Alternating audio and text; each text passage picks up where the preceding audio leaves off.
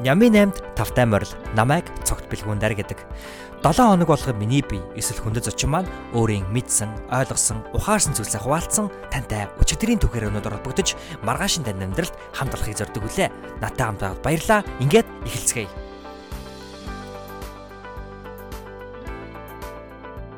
Сайн байцгаана сонсогчдоо. Энэ хүрээд Сэхэдэн подкастын хүрээнд бэлтгэн хүрэгдэг Нями 8 нэвтрүүлгийн маань 48 дахь дугаарыг хэлэхэд бэлэн болсон байна. Та бүхэнтэй хамт Сэхэдэн подкастын хамтран хөтлөгч цогт бэлгүүн дээр байна. За бэлгүүнээр өнөөдөр би та бүхэнтэйгээ нэгэн маш тусгай дугаарыг а өөрийн анд найз манай Сэхэдэн подкастын продюсер Маргад Эрдэнэ найзтайгаа хамтран хийх гэж байгаа. За та бүхэн мэдж байгаа бол би яг энэ хүн нэвтрүүлгийг яг одоо Америк нэгдсэн улсын Миннеаполис хотоос бэлтгэж байгаа. А манай маргад маань болохоор Монгол улсын Улаанбаатар хотноос энэхүү нэвтрүүлгийг бэлтгэн явуулсан байна. Тэгээ би яагаад бэлтгэн явуулсан байгаа гэж хэлж байна гэхээр энэ удаагийн подкаст хийх гэдэг том ачааг маань нуруунаас маань авч хөнгөлж продюсерийнхаа ажлыг бүр нэг шат ахиж хийсэн хүн бол Маргад Эрдэн. Тэгээ Маргад маань ерөнхийдөө бол энэ хүү дугаарын зочин хөтлөгчөөр ажилласан байгаа. За гэхдээ зочин хөтлөгчөөр ажиллахдаа бас нэгэн давхар давхар сонирхолтой зүйлтэй. Тэрхүү давхар сонирхолтой зүйл нь юу вэ гэхээр маргад маань Улаанбаатар хотоор явж байгаад маш сонирхолтой хүмүүстээр очоо тийм ээ. Сайн унааг маргад гэдэг асуултанд маань хариулаач гэд ингээд подкаст гэж юу болох, Яминан подкаст гэж юу, Скетэн подкаст гэж юу тийм ээ. Гих мэтчлэн зүйлсүүдийг тайлбарлаад за тэгээд манай Яминан подкастын одоо хүрээнд асуугддаг асуултуудыг тэрхүү хүмүүсээс асуусан байгаамаа. Тэгэхээр энэ удаагийн дугаар маань маш онцлогтой. Зочин хөтлөгчтэй. Зочин хөтлөгч маань маш гайхалтай залуу. За дээрэс нь нэмээд зөвхөн нэг хүний 7 хоногоос биш зөндөө олон хүний 7 хоногоос суралцах нь маш том давуу талтай. Тэгээ би яагаад энэ хүү дугаарыг маргад бит хоёр ингэж хий мөн ер нь яагаад подкаст гэж юу болж чухам гэ юу болохыг тийм ээ хүмүүс тайлбарлсан байдлаар дугаар хий гэж бит хоёр ярьсан бэ гэхээр аа подкаст гэдэг энэ зүйл бол яг Монголын өнөөдрийн нийгэмд тийм ээ яг Монголын хувьд бол тодорхой хэмжээнд бол шин зүйл. Өөрөөр хэлбэл хараахан массын хүртэл болж амжаагүй платформ. За яг массыг хамарсан платформ болж амжих уу, тэгээ барах уу гэх юм бол амжих уу, барах уу гэх юм бол мэдэхгүй цаг хугацаа харуулах зүйл а гэхдээ манай Сэхэтэн төслийн ард байгаа бүх залуучуудын хувьд бол тийм ээ бид бүхэн подкаст гэдэг зүйлийг бүх массын хүртэл болгох хэмжээнд нь тийм чанартай контентуудыг үйлдвэрлэхийг хүсэж байгаа бид нар хичээж байгаа зүтгэж байгаа тийм ч учраас иймэрхүү контентыг энэ удаад ингэж хий гэж шийдсэн юм ба за би маргадынхаа бэлтгэсэн энэ хүү тусгай дугаар руу орохоос өмнө надад өөрөө бас нэг бэлтгэсэн юм байна л да. За тэр нь юу гэхээр энэ удаагийн дугаарын хувьд болохоор бид нэр а ямар ямар асуултуудад хариулсан байгаа вэ гэдгийг зочдынхаа хувьд тийм ээ тодорхой танилцуулаад та бүхэнд хүргэе. Маш гоё, маш сонирхолтой. За хамгийн түрүүнд бид бүхэн болор туяа гэдэг зочноос тэр зочин маань юунд хамгийн их талархаж ийн гэдэг асуултыг бол асуусан байгаа. За энэ асуултанд ямар гайхалтай хариулт өгснийг та бүхэн сонсч авч боломжтой. Ер нь бол ойрын үед яг энэ удаа намрын үйлрэл болж гин, цэцэг навч шаарлж гин, өнгө дэлхийн ертөнц өнгө төрхөө өөрчилж гин. За тэг хамгийн сайхан нь эргээгээд хичээлийн үйлрэл эхэлж байна тийм ээ зарим шин сурагч сурагчид нар маань ингээд эргээгээд ахлах сургууль, дунд сургууль, бага сургуульд орж байна. Оюутнууд маань оюутан ах уу цаг маань эргээд эхэлж байна. За манай ажиллаа хийж байгаа хүмүүс маань сайхан хөдөө орон нутгаар аялж байгаад одоо сайхан амралтаа дуусгаад ажилдаа эргээд орж эхэлж байна. Тэгэхээр миний хувьд магадгүй та бүхэн адилхан мэдрэмж авдаг бах. Намрын үйлрэл яг бүх юмыг дахиад шинээр эхэлж байгаа юм шиг тийм санагддаг. Тэгэхээр болор туяа маань яг тийм мэдрэмж авснаа та бүхэндээ хуваалцсан байгаа. За дараа нь болохоор бид бүхэн энэ 7 хоногийн онцлог контентыг асуусан байгаа. Энгийн нэг контент тийм ээ ямар их нөлөө хүнд эко эффект гэж байдаг тийм ээ хэрхэн одоо цаашаага ганцхан энгийн контент бусад хүмүүс хэрхэн нөлөөлж болдгийг та магадгүй үндээс ойлгож авч болохын за тэгээ каф энэ 7 хоногт ажилласаа хэн хамгийн их кафег ав те? Гэдэг гиг та бүхэн бол мэдж авах байгаа. Тэгээд ажилласаа хин хамгийн их кафег авсан бэ гэхээр Солонгоо гэж ч маань авсан байгаа. За хамгийн гоё контентийг сонирхолсон хүн болохоор Батөргөл гээд залуу маань онцолсон байгаа. За дөрөвдүгээр асуултанд буюу дадал зуршилт болохоор хонгор гээд залуу бүр маш гоё хариултыг өгсөн. Аа англи үг те ер нь гадаад үг хэрхэн чэйжлэх үү за төсөөллийн арга гэж сүүлийн үед ер нь их яриад байгаа үг чэйжлэхийн тулд тэгвэл төсөөллийн аргаас гадна сонгодог аргууд байдаг штэ те зүгээр ингээд хүчээр одоо юу гэдэг махчилж хийсэн ч гэдэг юм. Тэр аргыг мөн энэхүү төсөөллийн аргатай хэрхэн хослуулах вэ? Юу нь яг яаж үг чэйжлэх үү гэдгийг маш гоё тайлбарлаж өгсөн.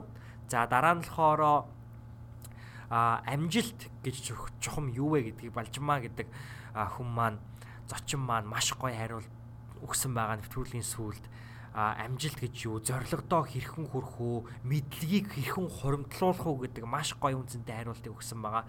За мөн Балжимагийн өмнө болохоор Ариун заяа гээд зочин маань болохоор ер нь 30 гаруй насны ерөнхийдөө бол эмэгтэй хүмүүс. За ялангуяа тэр дундаа 30 гаруй насны. За тэр дундаа бизнес эрхэлдэг эмэгтэй хүмүүс ямар ном унших уу, ямар амьдралын хэм маягтай байх уу, ямар зарчимтай байх уу, яаж бие авч явах уу? Гэх мэтчлэн зүйлүүдийг захирлаасаас яг хэрхэн сурсан талаараа бол хариулсан байна. За ийм байдлаар бид бүхэн 1 2 3 4 5 6 Тэ 6 тий 1 2 3 4 5 6 гайхалтай хариултыг авсан байна.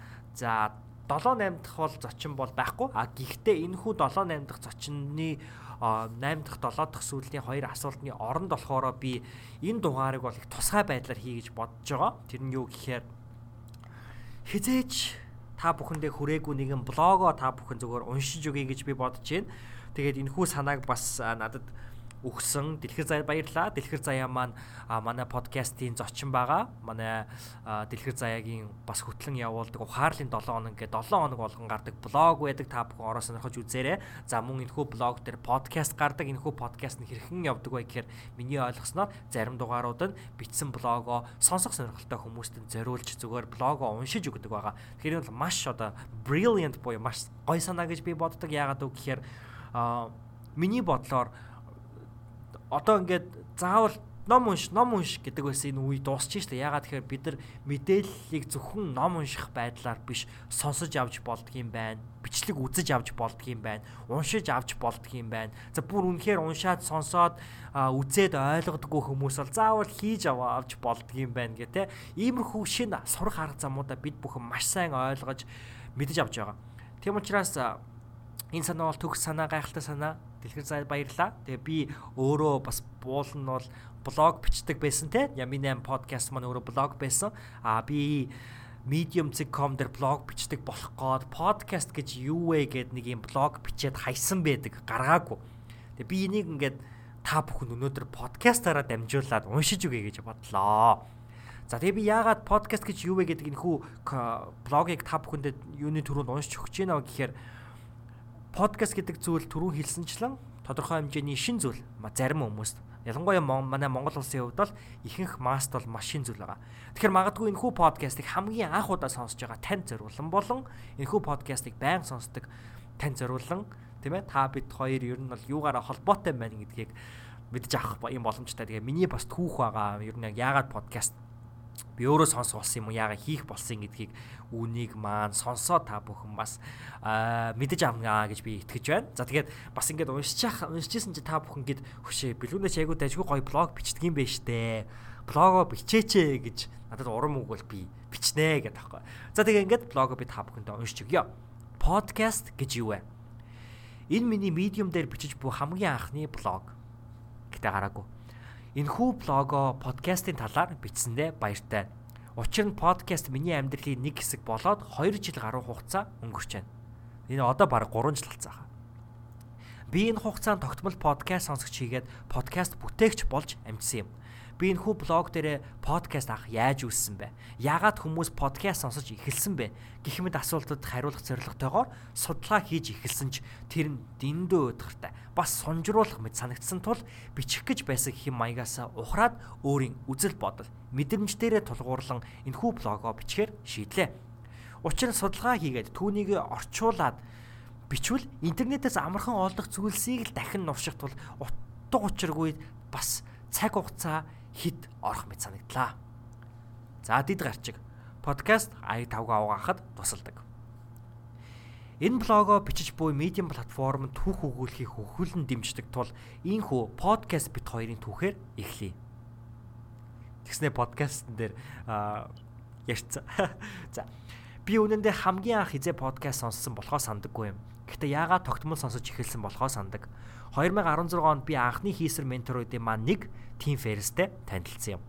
Тэр үед би аяг тавга угааж байхдаа хоол хийж мөн идэж байхдаа уг цаг хугацааг үр дүнтэйгээр өөртөө хэрэгтэйгээр зарцуулахын тулд байнгын YouTube бичлэгүүд үздэг байлаа. Үздэг бичлэгүүд маань ихэвчлэн хүний хөгжил, үр бүтээмж, бизнес санхүүгийн амжилт, оюун санааны хөгжилтэй холбоотой контентууд байдаг.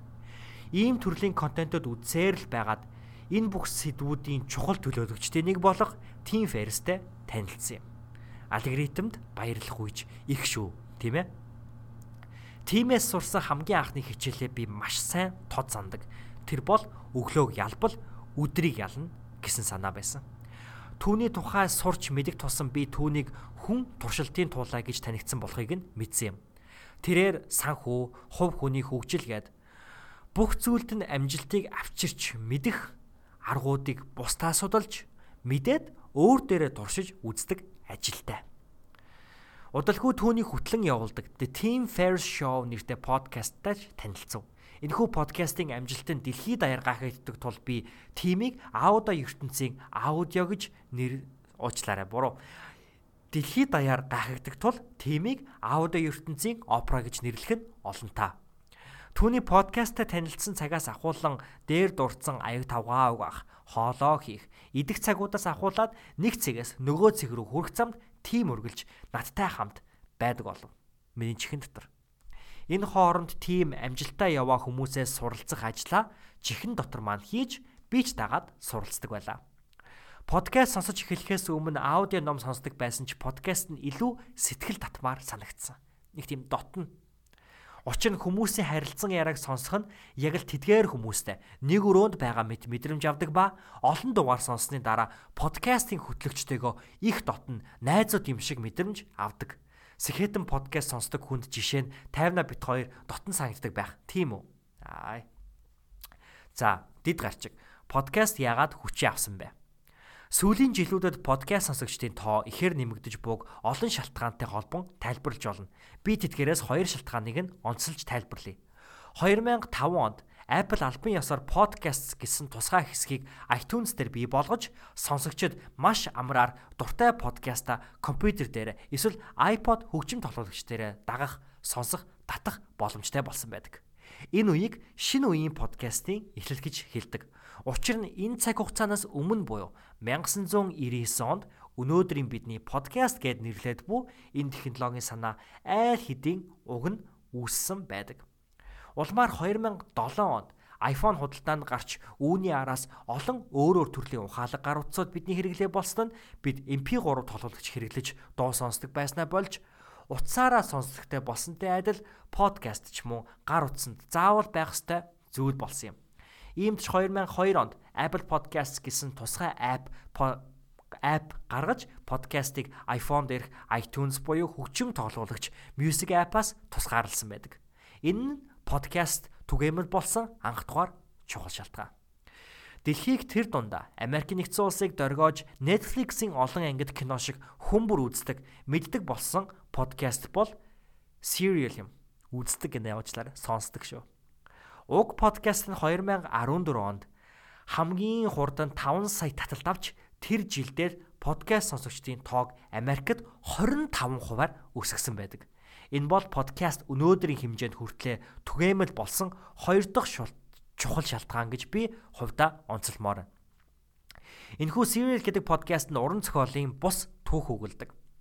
Ирэн сурвалжлах подкаст юм. Өөрөөр хэлбэл non-fiction podcast Миний энэхүү подкастыг онцлох нь зүйтэй гэж болсон гол шалтгаан нь та подкаст сонссноор төрөл бүрийн өөр өөр зориг хэм маягтай зүйлсүүд сонсох боломжийг подкаст олгодог гэдгийг онцлохыг хүссэн билээ. Бидний амьдарч буй нийгэм улам бүр л завгүй амьдралын хэм маягтай болж хүмүүс олон зүйлсийг нэр дор амжуулахыг хүсдэг болжээ. Аяг тавгаа угаах, гэрээ цэвэрлэх, нэг цэгээс нөгөө нөгөө цэгт хүрэх гээд янз бүрийн цаг хугацаанд подкаст сонсох нь танд хөгжих цагийг үр дүнтэйгээр суралцаж эсвэл сонирхолтой хөгжилтэй зүйл сонсож цагийг зугаатай өнгөрүүлэгч боломжийг олгож байна. За дараагийн дэдх арчиг нь болохоор подкаст яаж сонсох вэ гэдэг ийм гарчигтай байгаа. Тэгээ би яг энийг скип хийчихье гэж бодож байна. Ягаад үг гэхээр энэхүү подкастыг та сонсож байгаа юм чи подкаст хэрхэн сонсдог вэ гэдгийг бол мэдж байгаа гэсэн. А гэтээ би зүгээр нэг зүйлийг маш товтхон товчхон дурдаад явъя. Дурдъя. Тэр нь юу гэхээр би нэг зүйл анзаарсан манай сонсогч нар маш их одоо хувь нь бол SoundCloud дээр манай подкастыг бол их сонсдог. Аа түүнээс гадна манай подкаст бол бүхий л ер нь бол подкаст сонсдог аппууд дээр байгаа. Тэгээ SoundCloud болон яг зориултын подкаст сонсдог апп хоёрын хоорондох ялгаа нь юу гэх юм бол SoundCloud-ыг болохоор вебсайт дээр юм уу, компьютер дээр юм уу сонсоход бол их тохиромжтой. А харин яг тусгай апыг нь хэрэгжилж подкаст апыг нь хэрэгжилж сонсох нь ямар ашигтай вэ гэхээр та ингээд өглөөс ирсэн чинь ямар гарын өглөөс ирсэн чинь амар гоё. Манай подкастын шинэ дугаар цагтаа орцсон байна. Тэгээд ингээд цагтаа орцсон тэгээд та тэрийг нь мдээгүй. А гэхдээ зүгээр санаа зовлтгүй. Ягаад тэгэхээр таны подкаст апп чинь татаад авчихсан байна. Тэгэхээр та гар утсан дээр датагүй ч гэсэндэ гэрийнхаа Wi-Fi-ыг ашиглаад гар утасны чи апп өөрөө мэдээд татчихсан учраас та гадуур явахдаа датагүй ч гэсэндэ интернетгүйгээр контент хүлээн авах боломжийг бол олгодог нь бол подкаст аппийн их том давуу тал байгаа. Тэгээд учраас манай сонсогч нар маань хэрвээ хараахан SoundCloud-аараа сонсож байгаа ч гэсэн хараахан iTunes ч юм уу биш Apple Podcast ч юм уу Google Podcast ч юм уу өөр ямар нэгэн podcast app татаж сонсч амжаагүй байгаа бол та бүхэн амжуулаарай гэж та бүхэндээ бас захимаар наа гэж. За ямар ямар подкаст сонсох вэ гэдэг бол дараагийн дэд гарч байна. Ойлгомжтой шүү дээ. Сэхэтэн Монгол подкастыг дагаж Нями 8 болон 50 та хамт зэрэг подкастуудыг сонсоорой. Онцлог Монгол подкастуудаас гэвэл би саяхан нэгэд бөө подкаст бүтээгчид группийнхаа гишүүдийн подкастуудыг онцлоё гэж байна. За төвшөөс подкаст буюу Positive Mongolians-ийн подкаст төвшөө ах маань подкаст хийдэг. За мөн дүлгөөнөөгч маань саяхнаас подкаст хийдэг болсон байгаа. Тэгэхээр энэ хоёрынхаа подкастыг онцлоё. Та төвшөө ах дүлгөөнөөгч хоёрын влогуудыг үздэг. Төслийг нь дэмждэг бол Гэхдээ та подкаст сонсдгоо бол та маш том зүйлээс хоцорч байна. Энэхүү подкаст нь хөгжилтэй дотн ухаарлаар дүүрэн яриагаар та бүхнийг зэнгэлдэг. Энэ хоёр маань хоёулаа Нями 8-д маань зочноор тус тусдаа оролцож байсан. За мөн манай тушим дуртахад манай подкаст оролцож байсан хамгийн анхны хос байгаа. Тус тусдаа орсон. За дараагийн влог биш ээ подкаст. Ухаарлын 7 хоног. Яминан подкастын 16 дахь дугаарын зочин Дэлгэр Заяагийн Ухаарлын 7 хоног блогийг та сонсдог байдлаар хүлээн авах боломжтой болсон ба мөн заяамаа сонирхолтой чаленжууд зочдтойгоо хийж түүнийхээ үр дүнг ярилцдаг сонирхолтой дугаарууд гардаг нь их гой санагдсан. Дараа нь Монгол Student Podcast. Подкаст маш нарийн сэдвийг сонгож авах нь подкаст соёлыг зөв төгөөж байгаа явдал гэж боддог. Түүний нэг жишээ бол энэ подкаст. Дэлхийн үнцэг болон бүрт суралцж буй Монгол оюутан залуусыг урьж оролцуулан тус оронд суралцах, амьдрах талаар ярилцдаг подкаст юм. Дараагийн подкаст нь Мөрөөдлийн Монгол подкаст саяхан 3 дахь дугаараа хүргэж загвар өмсгч төгс эгчтэй ярилцсан байгаа. Дугаар бүр дээрээ уг зочны онцлогоос хамааран сонирхолтой сэдвээр яриа өрнүүлдэг. Хөтлөгч Арим маань Нями 8-ийн 17 дугаар дугаарт зочин болж оролцож байсан гэж байна. За одоо бол 3 байтугай дугаар гаргасан байгаа. За мөн нэг сонирхолтой юм дуулгахад би мөн энэхүү мөрөөдлийн Монгол подкастт бол зочноор урагдж оролцож байсан. За дараагийн подкаст Simple Mongol podcast. Энгийн бүхэн сайхан гэж энэ бол отхон бэлэг дүүгийн хөтэлдэг энгийн сайхан подкаст. Хамгийн гол онцлог нь хөтлөгч нь бус зочин нь ярилцах сэдвээ сонгон харилцан яриа байдлаар энгийн яриа өрнүүлдэг нь танд гой санагдан гэдэгт итгэлтэй байна. Би мөн зочноор оролцож ясан удаатай шүү. За дараагийн подкаст Cool Монгол подкаст. 2016 оноос хойш үргэлжлэж буй cool монголчуудыг урьж оролцуулдаг, ярилцдаг Монголын подкастуудын акул гэж нэрлэхэд болно. За хамгийн чухал бас подкастуудын нэг бол яхаа аргагүй бол Unlock podcast байгаа. Тэгээ Unlock podcast-ийн Наги ахтай би энэ 2018 оны 100 уулзаж ярилцсан. Тэгээ бас нэг сонирхолтой фактыг дуулгахад Наги 2008 онд Америк нэгдсэн улсын Миннесота мужид их сургуулаа төгсөж байсан. Түүнээс яг 10 жилийн дараа буюу 2018 онд цогтөлгүүн дээр миний бие Миннесота мужаас төгссөн. За тэгээ ингээ бодохоор хоёр Монголын одоо манай подкаст бол ерөнх нь бол ихэнхдээ хоёрдугаар байранд ороод идэг Монгол улстай. А Анри Unlock podcast маань үргэлж бол нэгдүгээр байранд ороод идэг. Тэгэхээр Монголын хамгийн том хоёр подкастын хөтлөгч нар хин хинэд Minnesota мууж сур сурч төгссөн хэрэг сонирхолтой. Тэгээ яагаад вэ гэхээр Minnesota мууж яг мэдээж шиг хэвээ хоёр хоёулаа ингээ Калифорниад ч юм уу, Чикагогот ч юм уу, Денверт сураад төгссөн бол айгүй ондоо ахгүй.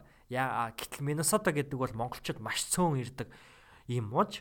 Тэгэхээр бол их сонирхолтой. Тэгээд бас нэг сонирхолтой факт бол Наг яах маань өөрийнхөө суралцсан бакалаврынхаа зэргийг дуусгасан тэрхүү сургуульд маань те а хамгийн анхны монгол оюутан тэгээд сурч төгсөхдөө бол тэр сургуулийг бол дөргөөссөн Монголын нэрийг болж ихэн тэнгэрт тултал нь гаргаж ирсэн тийм оюутан байсан а ямар сургууль вэ гэхээр Macalester College бид бүхний сайн мэдэх Jack Weatherford гээд Чингис хаан ба өнөөдрийн дэлхийг үндэслэгч гээд одоо номын зохиолч тийм ээ мөн бусад одоо Монголын түүхэн номнуудыг бичсэн тэрхүү гайхалтай эрхэм тэрхүү сургууль профессор хийж байсан удаатай. За тэгээ бодохоор бас Монголын хамгийн одоо монголч эрдэмтэн те дэлхийд танигдсан хамгийн чухал монголч эрдэмтэн бас Миннесота мужид багшилж исэн гэхээр ер нь бол манай Миннесота муж маань их сонирхолтой юм юм фактуудтай шүү гэдэг. За тэгээ тийм байна. За тэгээ би бас энэ дахиад дуртахад нэг подкаст нэмээд дуртахад бол Нарнаас том А гэд манай гамбилэг дүүгийн маань хөтлөн явуулж байгаа подкаст байгаа. Маш тууштай подкаст хийж байгаад нь бол би үнэхээр баярлж байгаа. Үнэхээр бахархалтай, үнэхээр авууштай. Өөрөө бол маш сайхан хоолойтой, над шиг юм яршигтай хоолойтой биш. Аа яг жинхэнэ подкаст чинь хүнд байх хэвээр хоолойтой хүний хоолойг сонсомоор байвал бас тэрхүү подкастыг сонсоорой гэж та бүхэндээ хэлмээр байна. Мөн би тэрхүү подкаст зочноор оролцож байсан юм аа гэд. За тэгээд энэ хүргээд би яг подкаст гэж юу вэ гэдэг дээр өөрийнхөө бичсэн блогийг та бүхэндээ уншиж өглөө. Та бүхэн таалагдсан гэж итгэлтэй байна. Тэгээ хідүүлээ ингээд энэ хүрээд маргадынхаа бэлдсэн ярилцлага руу орцгоё.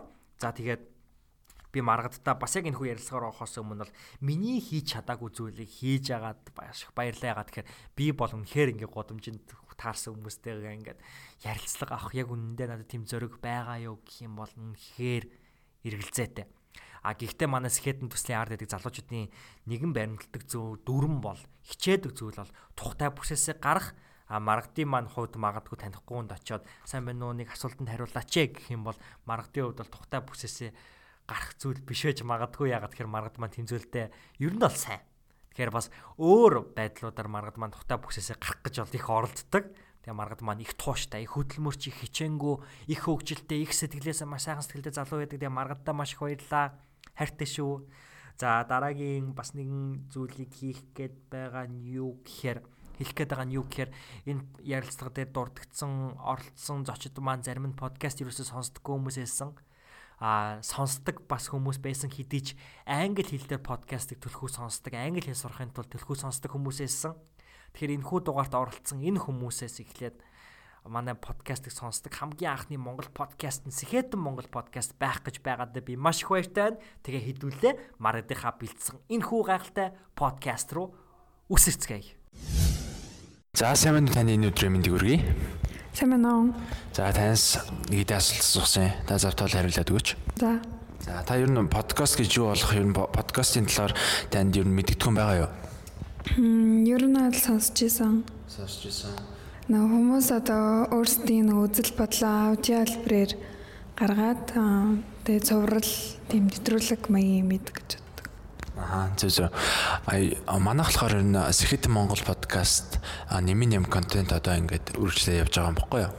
Одоо 47 дугаар дугаар нь гарцсан байгаа. Тэгээд манай подкаст болохоор яг амьдралын юмгийн тухай ярьдаг.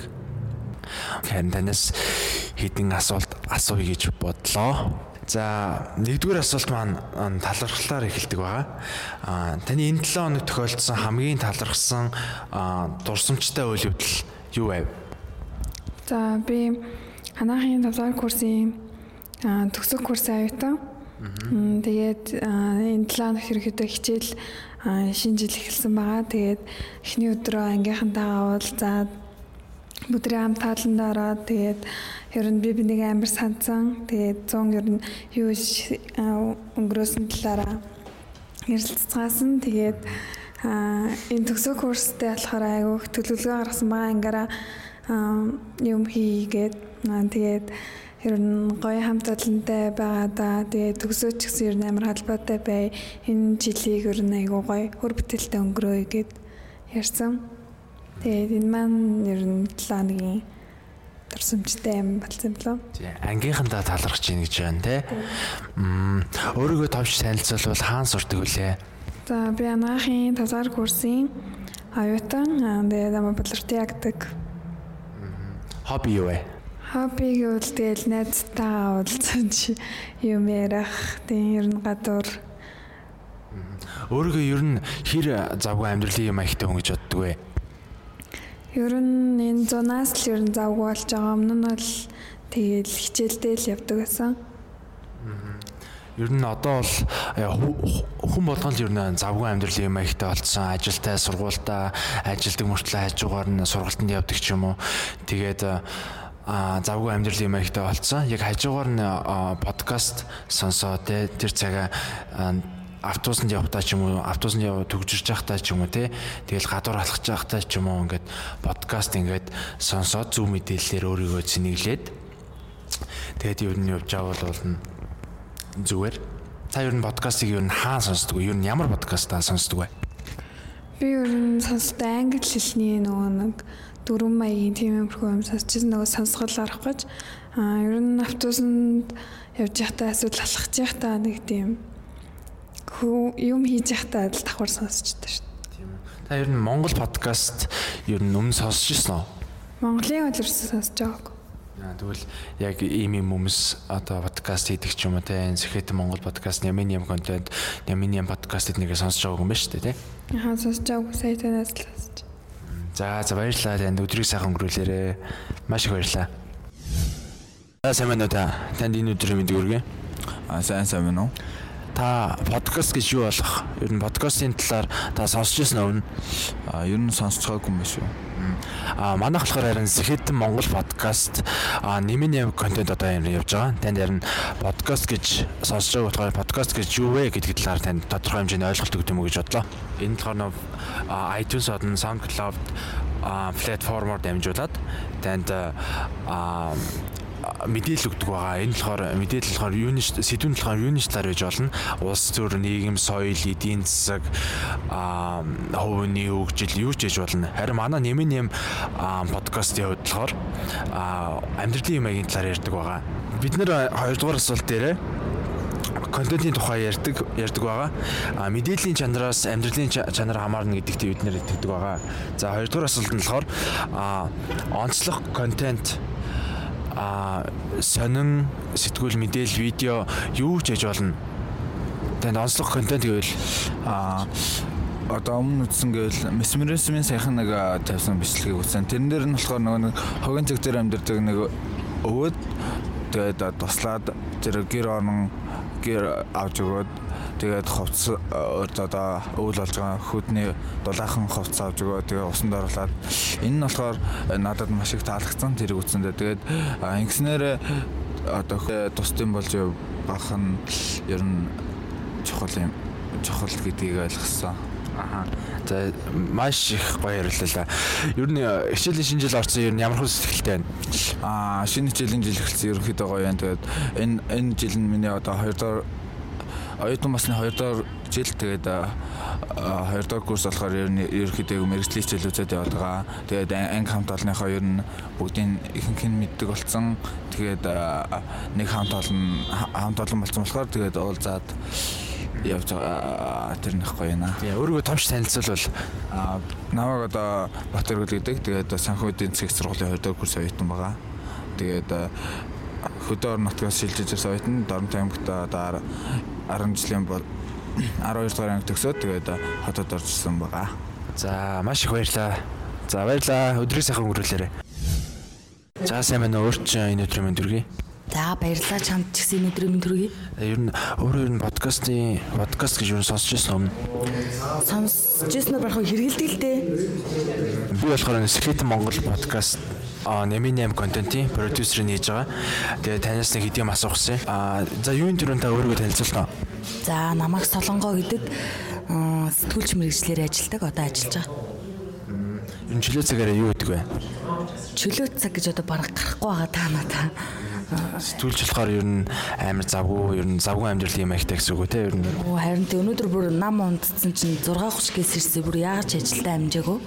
Тэгэл уралдаал орсон 9 цагт. Зөв зөв. За танаас асуулт асуулаа шүү.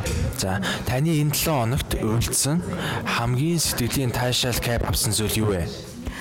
Аа ажилласаа л айгүйх таашаал авсан. Яг тэгэхээр нөө би үйлдвэрчний хэвлийн хөдөлмөр санд ажилладаг. Аа тэгээ одоо болохоор яг энэ цаг үед багш нар ажил хийж байгаа. Тэгээ нөө цалин үлсээ нэмэгдүүлэхийн төлөө ажил хийж байгаа. Тэгээ дөнгөж хамгийн анх нөө боловсрал сая шинжлэх ухааны сайд цогцолмоо анх нөгөө нэг 12хан сургууль ажил хийж байгаа гэл агуу нүг зөвүүн ярьжсэн шүү дээ телевизээр гарч илээсэн. А тэгтэл одоо яг өнөөдрийн байдлаар Монгол улс орон даяар 145 одоо шинжлэх ухааны байгууллага, ерөнхий боловсролын сургууль, цэцэрлэгүүд ингээд ажил хаялт нэгдээд одоо тэгээ би яг үүний төлөө яг сурвалжлагаа ярилцлага нийтлэл мэдээ те бүх бүх ингээд Монгол улс хоорондоо эрхэм хүндэл хэрэгслээ цацж байгаа болохоор энэ тоо маань өсөөд бас ингэж байгаа болохоор энэс айгүйх кайф авсан л да. Ажлаасаа ер нь бол үр дүнгээс илүү кайф авсан ажилласаа авсан гэж байна. Яг өнөөгийн одоо Монголд гарч байгаа үеийн өвдөлтэй энэ багш нар ажиллаа хийж байгаа гэж байна. Тэрийг ингэж ингээд сурвалжлахын тулд ер нь амар ер нь завгүй байдаг бах тий. Тэгээд ер нь та ер нь хобби хобби чи юу вэ? Миний хобби бол дуулах Тэгээд бас саяхан бас нэг нөгөө англи дуу дуулж үзгээд найзуудтайгаа караокед ороод одоо хоолос өгсөн байна л да. Мм зүг зүг. Ер нь одоо хичээлийн шинэ жил эхэлсэн байгаа. Тэгээд ер нь дүүнэртэй ер нь юу гэж хэлмээр байна? За дүүнэртэй хичээлийн шинэ жил эхэлсэн байгаа. Яг нөгөө би ер нь дүүнэртэй гэхээс илүү нийгмийг одоо багш нарыг нийгэм одоо хүмүүс ойлгосоо тий. А багш нар ч гэсэн өөр хөвгтдээ бид нар өнөөдөр нөгөө бодолтой талах авах мөнгө үлдэхгүй байх гэж штэ. Лизэндээ бүх мөнгөө одоо 4 500 сая төгрөгийн цалин аваад бүх мөнгөө цалиндаа ингээд лизэндээ зарцуулчаад байна. А тэгэхэд бид нар ч бас өөрсдөө хүүхдүүдтэй тий. Тэгэхээр багш нарын энэ одоо аргагүй байгаа байдлыг ойлгосоо гэж л хүсэж байна да нийгэмдээ. Одоо хүмүүстэй л хандаж хэлэхэд а хүүхдүүдийн хувьд бол хичээлийн шинэ жил угаасаа нөгөө нэг ажил хийсэн байгаа болохоор аюу хэцүү байгаа тий. Хичээлдээ ормоор даанч одоо нөгөө нэг өнгийн бал харандаа авсан боловч даанч хичээл ороогүй гэдэг пэсэр яваад ш нь хүүхдээ. Тэгээ энэ бол мөнхийн юм биш. А яг хоо 95 онд бол багш нар 143 хоног ажил хаяад тэгсэн боловч цалин хөөсөө нэмэгдүүлж чадчихсан. А тэгтээ энэ байдал бол одоо өргөжлөхгүй байх нь тодорхой л гэж хэлж ин сэтгэлийн хаттай байгаараа л гэж хэлээ да. Дүүнэртэй. За за. Үнэхээр гоё хариулт байлаа. Тэгээд ер нь ажилласаа сэтгэлийн ташаал кап мэдэрсэн юм ээ энэ 7 хоногт. За танд үнэхээр баярлалаа. За тэгвэрээ. За сайн уу таны энэ өдрийн мэндийг хүргэе. Таас нэг хэдэн жил суусан. Та ер нь подкаст гэж ер нь юу болох талаар өмнө сонсч байсан уу? За сайн байна уу? Аа подкастын талаас сонсч байсан. Ер нь бол англи хэл сурахын тулд подкаст жижиг бичлэгүүд те түүхүүд ер нь хүнд хэрэгтэй зүйлүүдийг богино хэмжээний бичлэгээр бичдэг те. Тэрийг ер нь ер нь мэддэг сонсч байсан. Та ер нь өөрийгөө танилцуулаач. За намайг Хонгор гэдэг. Би Unitel компанид ажилладаг. Тэгээ өнөөдөр ингээд англи хэлний сургалт IBT центрт суралцаад араагаар суралцаад явж байна. Тэгээ энэ тавчханд байна. За таньс нэг аа ер нь Монгол подкаст өөрөө сонсч байсан уу? Монгол подкаст. За Монгол подкаст бол сонсож байгаагүй юм байна. Сонсож байгаагүй юм байна.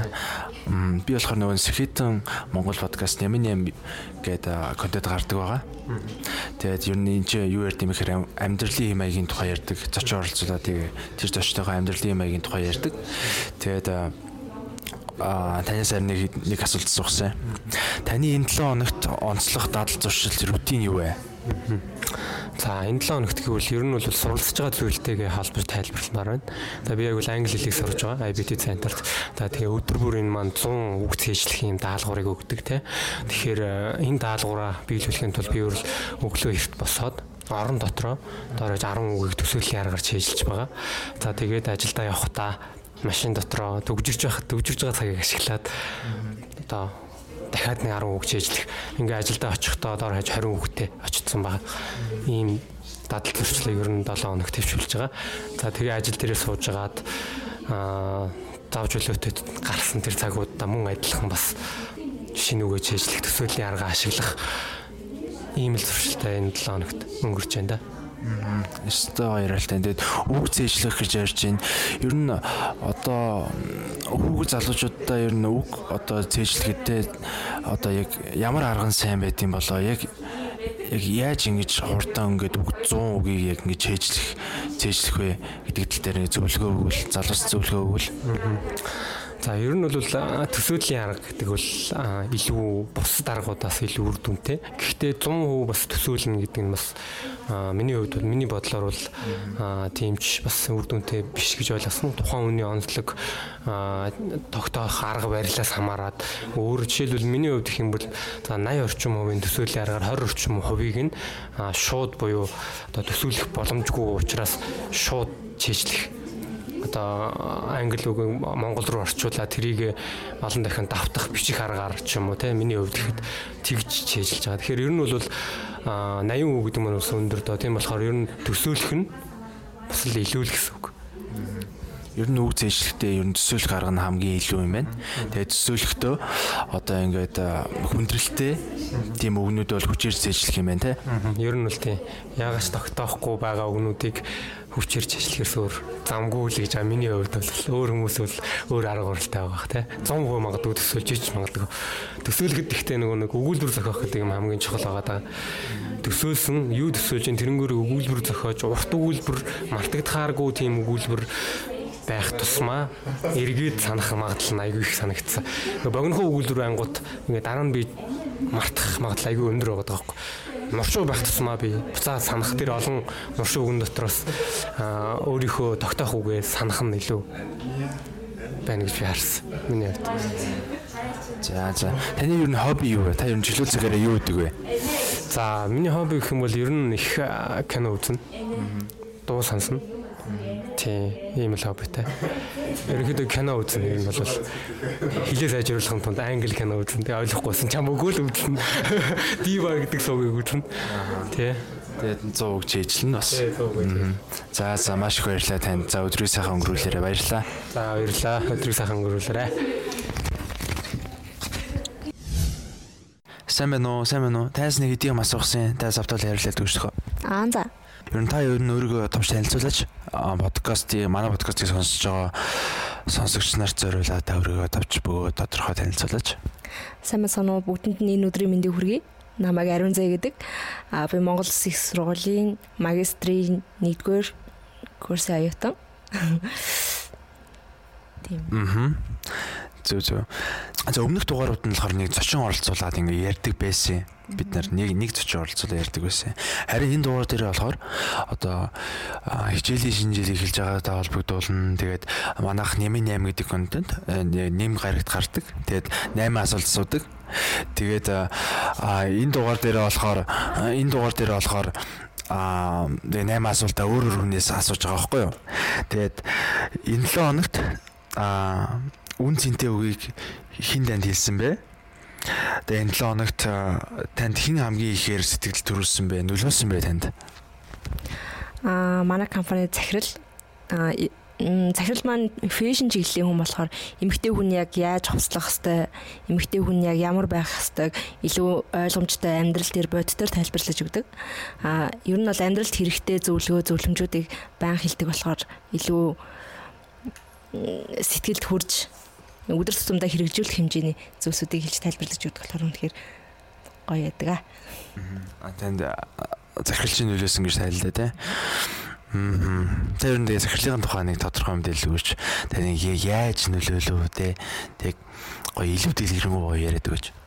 А подкаст юм сонсож байгаа сонсогч нарт зориулаад. Мм тэлгүй яах вэ? Аа захирал маань бол ер нь эмэгтэй хүн 30 гар 30 гаруй насны эмэгтэй хүн тэр дундаа яг бизнес эрхэлдэг бизнес өвмөн эмэгтэй хүмүүс яг ямар байх талаар залуу хүмүүс 20 хэдхэн настай охтууд бид нарт амар сайн тайлбарлаж өөрийнхөө амьдралын хэв маягаар зааж өгдөг байгаа. Аа хүн яг эмгтэй хүн тэр дундаа бизнесийн салбар руу орох гэж байгаа хүн ямар ном унших хэвээр ямар зарчмыг өөртөө хэрэгжүүлэх хэвээр өдөр тутамдаа хинтээ яаж харьцах тухайга амьдралынхаа хэв маягаар хүм залуус бидэнд айгуу сайн нээлттэйгээр тийм хөгжилтэй хошин байдлаар тайлбарлаж өгдөг болохоор тийм тийм. үлгэр жишээ байж чаддаг. Одоо өөрөө мөси одоо магистрийн нийтийг хүрсгсэн тийм. Тэгээ ер нь а, чөлөө цагаа ер нь яаж өнгөрүүлдэг вэ? Та өөрөө? Аа ном унших ч юм уу өөртөө хэрэгтэй байдлаар л өнгөрөөхийг хүсдэг дээ. Тэгээ ер нь хичээлийн шинэ жил одоо эхэлсэн байгаа. Ер нь таны хувьдыг одоо хичээлийн шинэ жил эхэлсэн ер нь ямар хувийн сэтгэл? Хамгийн турсамжтай хамгийн гоё шинжил бол мэдээж бакалаврын 4 жил байдаг. Оюутнууд болохоор бакалаврын 4 жилийг яг ингэс тэгсгээд өнгөрөөхгүй байхыг өөртөө аюу хэрэгцээтэй байхыг байгаасай л гэж боддог ч магистрийн жилүүд бол надад нэг тийм бакалавр шиг нэг гоё санагдахгүй юм шиг санагдсан л да энэ ихний 7 хоногийн байдлаар бол А тийм үү. Яс нэг жоо онцгүй байсан уу? ерөнхийдөө нэг одоо бүх хүмүүс нь яг цаашлалынхаа мэд- мэрэгжил мэдлэг боловсролыг сонгоцсон яг амьдралынхаа замналыг сонгоцсон хүмүүс болохоор Аа на бакалаврын нөө найзуудаас чинь илүү нэг юм дотн санагдахгүй тий. Тийм мэдрэмж сурч уу тий? Тэгээ ер нь аа одоо нэг хичээлийн шинэ жил эхэлсэнтэй холбогдвол ер нь оюутан залуус энэ сурагч дүүнертэй зөвлөгөө өгөөч гэвэл та яг ямар зөвлөгөө өгөх вэ? Ер нь юун дээр анхаараарай гэж хэлэх вэ? өдөр болгоно маргааш болгон бэлэг байдаг гэдэг. Тэгээд өдөр болгоныг үр бүтээлтэй дайчин өнгөрөөгөөрөө л гэж зөвлөмөр энэ да. Ямар гоё үг вэ тий? Маргааш болгон бэлэг байдаг. За за, танд маш их баярлалаа. За өд- өдрийг сайхан өнгөрүүлээрэй.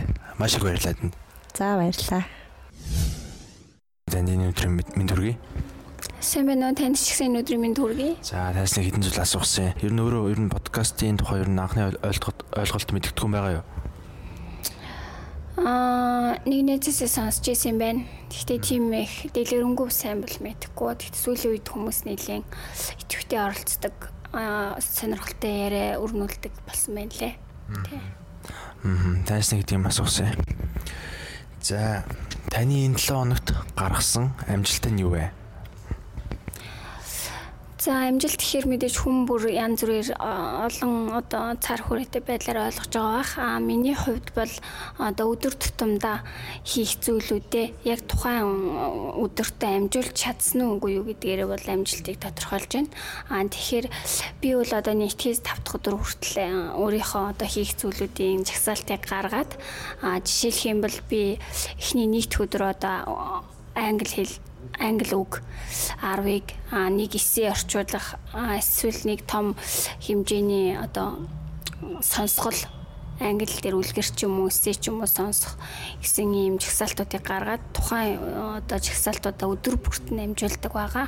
Аа тэгснэр би одоо 5 өдрийн турш энэ зүйлээ яг одоо хугацаанд амжуулж чадсанаар бол энэ бол миний амжилт тухайн 7 хоногийн амжилт болж өгдөө. Тэгэхээр энэ маань одоо нэгтгэс 5 дахь өдөр гэдэг өдөр хүртэл давтагдаад дараа дараа ч гэсэн одоо сар бүр ингээд дахин дахин давтагдаад явдаг учраас хүнд одоо асар хэмжээний мэдлэг хуримтлагдаж а, одоо тэгснэр тухайн хүний одоо мэдлэг оюун ухаан хөгжиж амжилтанд хүрэх гол үндэслэл болдоо гэж би боддгоо.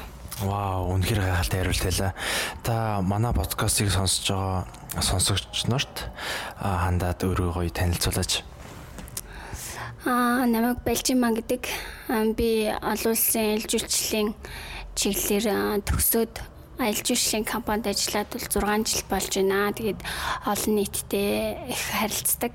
Аа тэгээд мэдээж одоо өөрийгөө хөгжүүлж гадагшаа одоо олон хүмүүстэй харилцахын тулд англи хэл сурах шаардлагатай байгаа. Аа тэгэхэд энэ маань бол миний одоо ойрын хугацаанд тавьсан зорилт төлөвлөгөө байгаамаа. Тэгээд бүх залуучуудаа хандаж хэлэхэд одоо хүн одоо тухайн зорилгодоо хүрэхийн тулд баг багаар одоо ажлыг төлөвлөж тэрийгээ яг цаг хугацаанд нь хийж амжуулж чадсанаар бол амжилтын гол үндэс нь болдог юм шүү гэдгийг бас энэ ярилцлагаараа дамжуулж хэлмээр байна.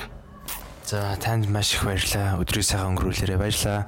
За баярлаа. Таны хамт олон дамжилт хүсье.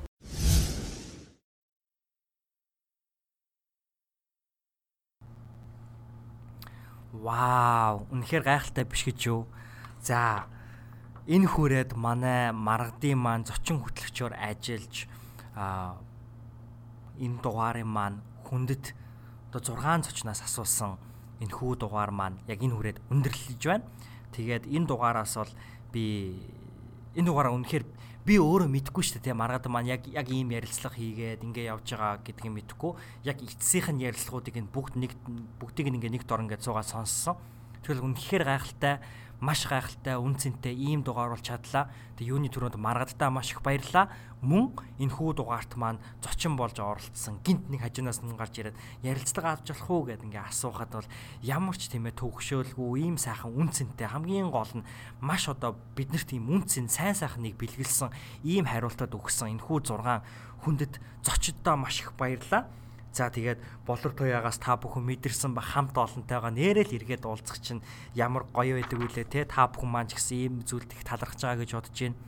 За Батөр өглөө маань хувь тийм ээ? Месмеризмын тэрхүү хогийн цэгт амьдардаг өвөө тусалж байгаа тэрхүү бичлэгийг үзээд хэрхэн тэр бичлэг нь өөрийг нь өдөөж магадгүй ирээдүйд Батөргөл маань түүнээсээ маш их одоо урам аваад зориг аваад сэтэл аваад илүү олон өөр өөр хүмүүст илүү олон хүмүүст туслахыг бол үүсэхгүй тэгж итгэж байна. Тийм учраас бас месмеризм месмеризмын залуучуудад баярлаа гэж би бас энэ ташимднаас хэлье гэж бодож байна. За мөн сэтгүүл солонгоод маш их баярлаа. Өнөөдрийн манай нийгэмд тулгараад байгаа маш чухал асуудлыг хөндөж тийм ээ бид бүхэнтэй хуваалцлаа. За мөн хонгорт маш их баярлаа. Хонгорын тэрхүү үг чэйжлэх зөвлөгөө бол маш үнцэнтэй байсан. Яагаад үг гэхээр өнөөдөр төсөөллийн арга гэдгийг бол хүн болгон их сонирхож байгаа. Тэрхүү аргыг хэрэглэхээс гадна бүр яг хэрэглэх хэрэгтэй яг хаана яг яаж хэрэглэх үү те өглөө орондоо хөвтөж явахдаа 10 үг, ажил руугаа ирж явахдаа 10 үг, ажил дээр ирэхэд заавал 20 үг чэйжилсэн ирнэ гэдэг бол маш гайхалтай те. Ягаад гэвэл өнөөдөр бид үг чэйжлэх аргуудаас сурчдаг. Тэгтэл яг ингээд үнэхээр яг дадал зуршил болгохын тулд ямар практикл алхмуудыг авах уу гэдэг дээр ингээд гацаад хийж эхэлдэггүй. Тийм учраас бол хонгор бол бидний хувьд бол үнэхээр хийж эхлэх тэрхүү алхмыг нь зурж өглөө. За балчмаа бол үнэхээр гайхалтай хариултыг бол өгсөө. Яахаа аргагүй те. Хийх зүйлсээ амжуулаад хамгийн гол нь төлөвлөсөн хийх зүйлүүдэд амжуулаад баг багаар хийж ивэл тэр бол өөрийнх нь хувьд амжилт юм а гэж. Тэр хүн болгоны хувьд амжилт гэдэг зүйл бол ондоо байдаг гэдгийг бас тэнд дурдж өгсөнд нь маш их баярлаа. За мөн мэдлэг хэрхэн хуримтлуулгуу те зоригдоо мөн хэрхэн хөрөх үү гэдгийг бид бүхэн сануулсан тийм гайхалтай мессежийг өглөө. За ариун заяагийн хувьд болохоор өөрийнхөнтэй амьдралд байгаа тэрхүү одоо захирал нь хэрхэн нөлөөлснэг бид бүхэнд бас ингэж дуулах хэвээр мэдүүлсэд нь маш их одоо сэтлийг бол бидэд бүхэнд өглөө гэж би бол итгэж байна манай сонсогч нарт.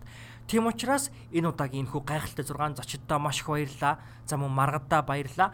За мөн мэдээж хэрэг энэхүү дугаарыг сонссон танд маш их баярлалаа. Хэрвээ та энэхүү подкастыг хамгийн анх удаа сонсож байгаа бол Сэхэтэн гэр бүл тавтай морил гэж хэлж байна.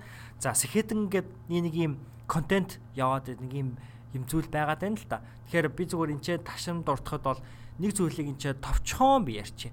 Тэр нь юу гэхээр Ями 8 гэдэг бол брэнд. 50-тай хамт гэдэг бол брэнд. Ягаад би брэнд гэж хэлж байна гэх юм бол энэ хоёр бол өөрөө контент бүтээгдэхүүнүүд байгаа тийм. Би та бүхэн үнгүү олгож байгаа ийм контентууд байгаа. А эдгээр бол эргээгээд брэндүүд. Ягаад гэвэл Ями 8 гэхээр бол тодорхой зүйлсийг ингэж represent хийх буюу төлөөлж байгаа. 50-тай хамт гэдэг бол тодорхой зүйлсийг represent хийх буюу төлөөлж байгаа. Тэгэхээр бид нар бол энэхүү брендийг бий болгохын тулд сэтгэж байгаа. А гэхдээ бид нэр цаана Сэхэтэн гэдэг community буюу work central хамтын офисын хэлтгэр хотлыг бол бий болгох нь бидний брэнд болгохоос илүү чухал зүйл. Тэгэхээр энэ хүү Сэхэтэн хотлыг, энэ хүү Сэхэтэн гэр бүлийг бий болгох нь бидний хамгийн чухам зорилго байгаа. Тэгэхээр энэ хүү зорилгын маань нэг хэсэг болж байгаа. Энэ хүү Сэхэтэн гэр бүлийн маань нэг хэсэг болж байгаа. Болсон танд маш их баярлалаа. Тантай нэг гэр бүл байх бид бүхний хувьд бол нэр төрийн хэрэг байдаг. Тэгээ хідүүлээ дараа дараагийнхаа илүү гайхалтай контентуудаар иргэн уулзцгаая. Баярлалаа. Баяртай. Оо байж байгаараа байж байгаараа нэг юм хэлээдгээ.